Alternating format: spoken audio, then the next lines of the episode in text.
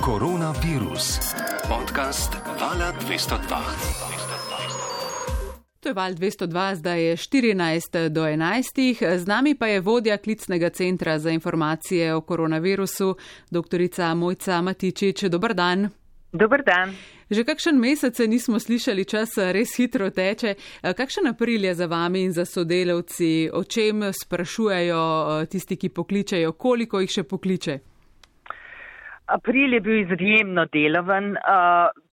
Pravzaprav ni bilo skoraj dneva, da bi bilo pod tisoč vprašanj.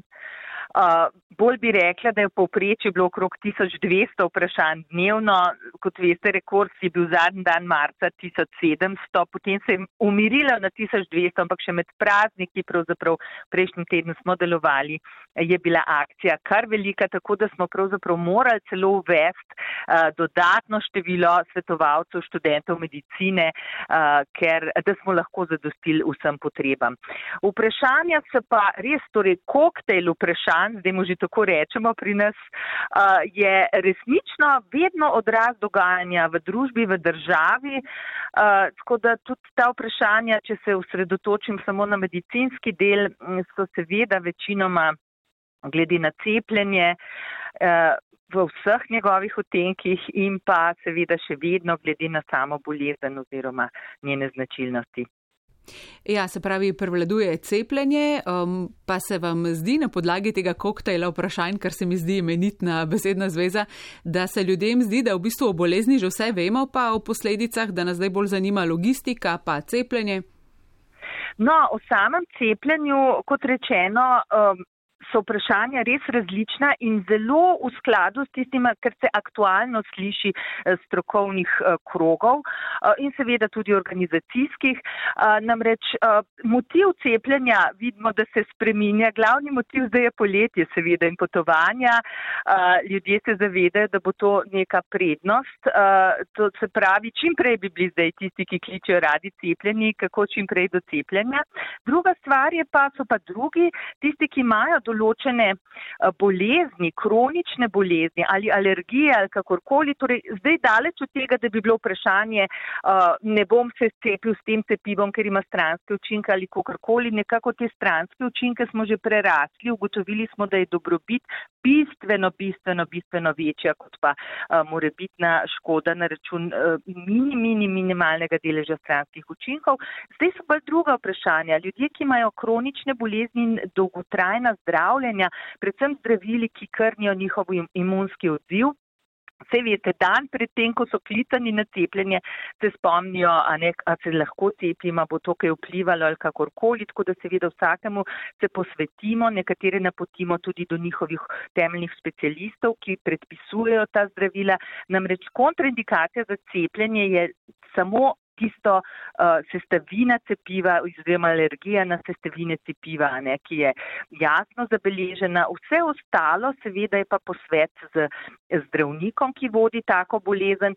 Tukaj pa moramo opozoriti na ljudi, ki imajo ki kronično jemljajo zdravila, ki zelo slabijo njihov imunski odziv, da to lahko vpliva na odziv na cepljenje in slabi tudi nastanek proti telesa. Ne? In zaradi tega, če je neko kronično zdravljenje dolgotrajno, bo mogoče specialist lahko ugotovil, da bi za čas cepljenja morda malo znižal ali priredil to imunosupresivno zdravljenje, da bo čim boljši odziv na cepivo.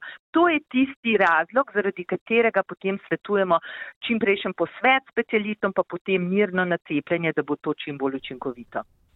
Vse več ljudi je torej eh, cepljenih, ampak nekih neposrednih privilegijev, če smemo uporabiti to besedo, pa nekako še ne občutimo. Še vedno je treba nositi maske, prireditev ni. Eh, je veliko vprašanj ali pa tudi eh, negodovanj povezanih s tem?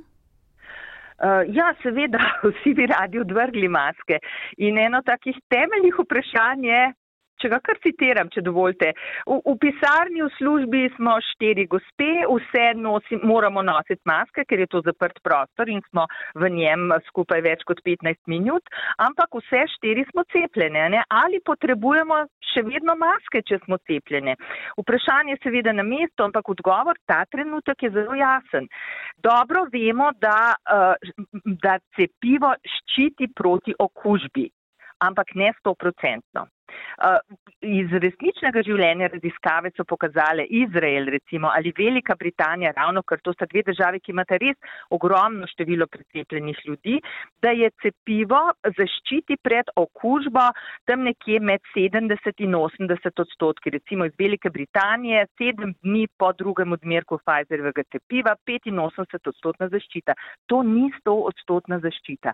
Ravno kar prejšnji teden je šla raziskava tudi iz Velike Britanije.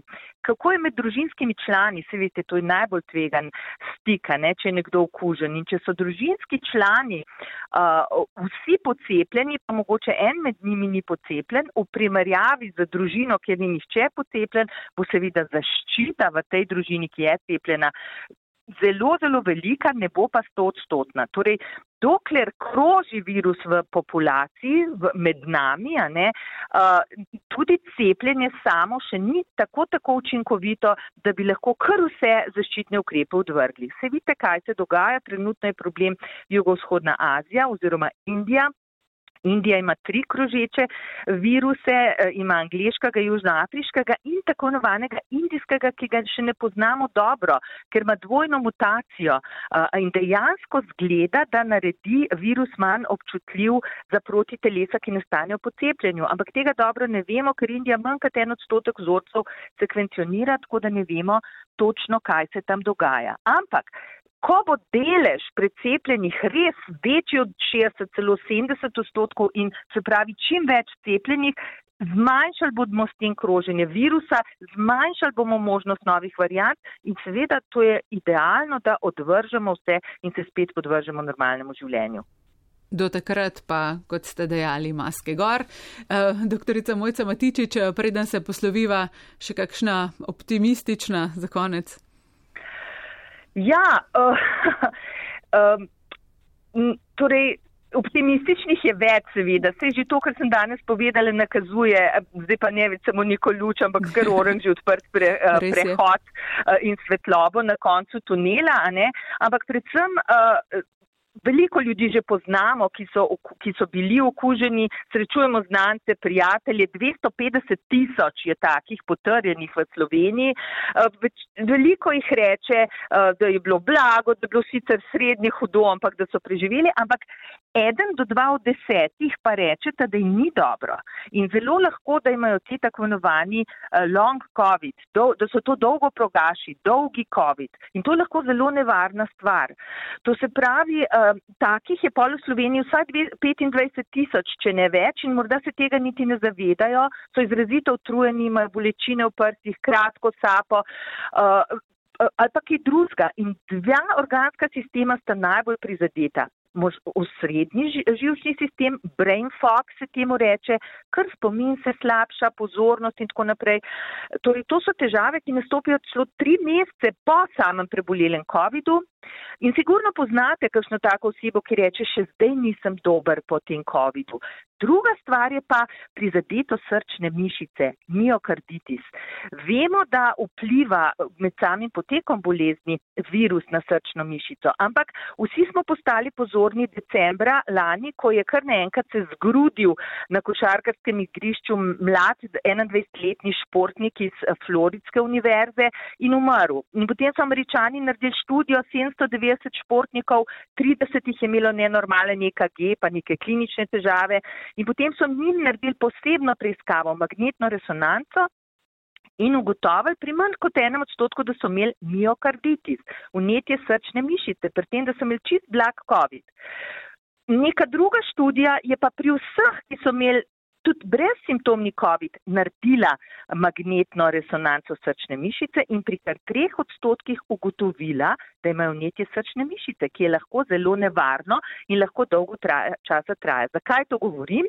Ker smo slovenci rekreativci, kaj to velja za splošne športnike. Torej, če imate kakršne koli težave, obrnite se na izbranega zdravnika, kajti tukaj v določenih primerjih so potrebne posebne preiskave. Na splošno pa seveda vsi tisti, ki tisoči, ki pa niso preboleli na vsak način poletje tukaj pred vrati. Uh, poletje ne bi bilo sproščeno, prijetno, z lepimi doživeti. To se pravi, če, se še ni, če niste preboleli COVID-a in če se še niste cepili, cepite se, zato ker, ko boste cepljeni, se boste počutili dobesedno osvobojeni. In občutek zmagoslavja je, ko si cepljen in ko, si, ko imaš občutek, da si zaščiten, ne samo za sebe, tudi za druge. Ker samo, če nas bo veliko tako mislečih, bomo lahko dokončno odvrgli maske, kot ste rekli, ne, in res proščeno zadihali. In še enkrat vas vabim vse, ki imate kakršne koli pomisleke o cepljenju, klicni center je tukaj. Točno temu je namenjen, da z vami uh, se pogovorimo, da prediskutiramo vaše vprašanja, vaše strahove, morda celo vaše zanikanje uh, in da vas nekako opremimo z vsemi informacijami, da se koražno podate na to cepljenje. Koraj že velja, nič 8, nič 14, nič 4 je torej ta številka. Nismo vas klicali na to številko, zato da ne bi zasedli eh, linije. Um, pozdrav um, študentom uh, medicine, s katerimi delate. Pozdrav vam, doktorica Mojca Matičič. Najlepša hvala za danes in se priporočamo tudi za naprej. Hvala tudi vam, lepo zdrav.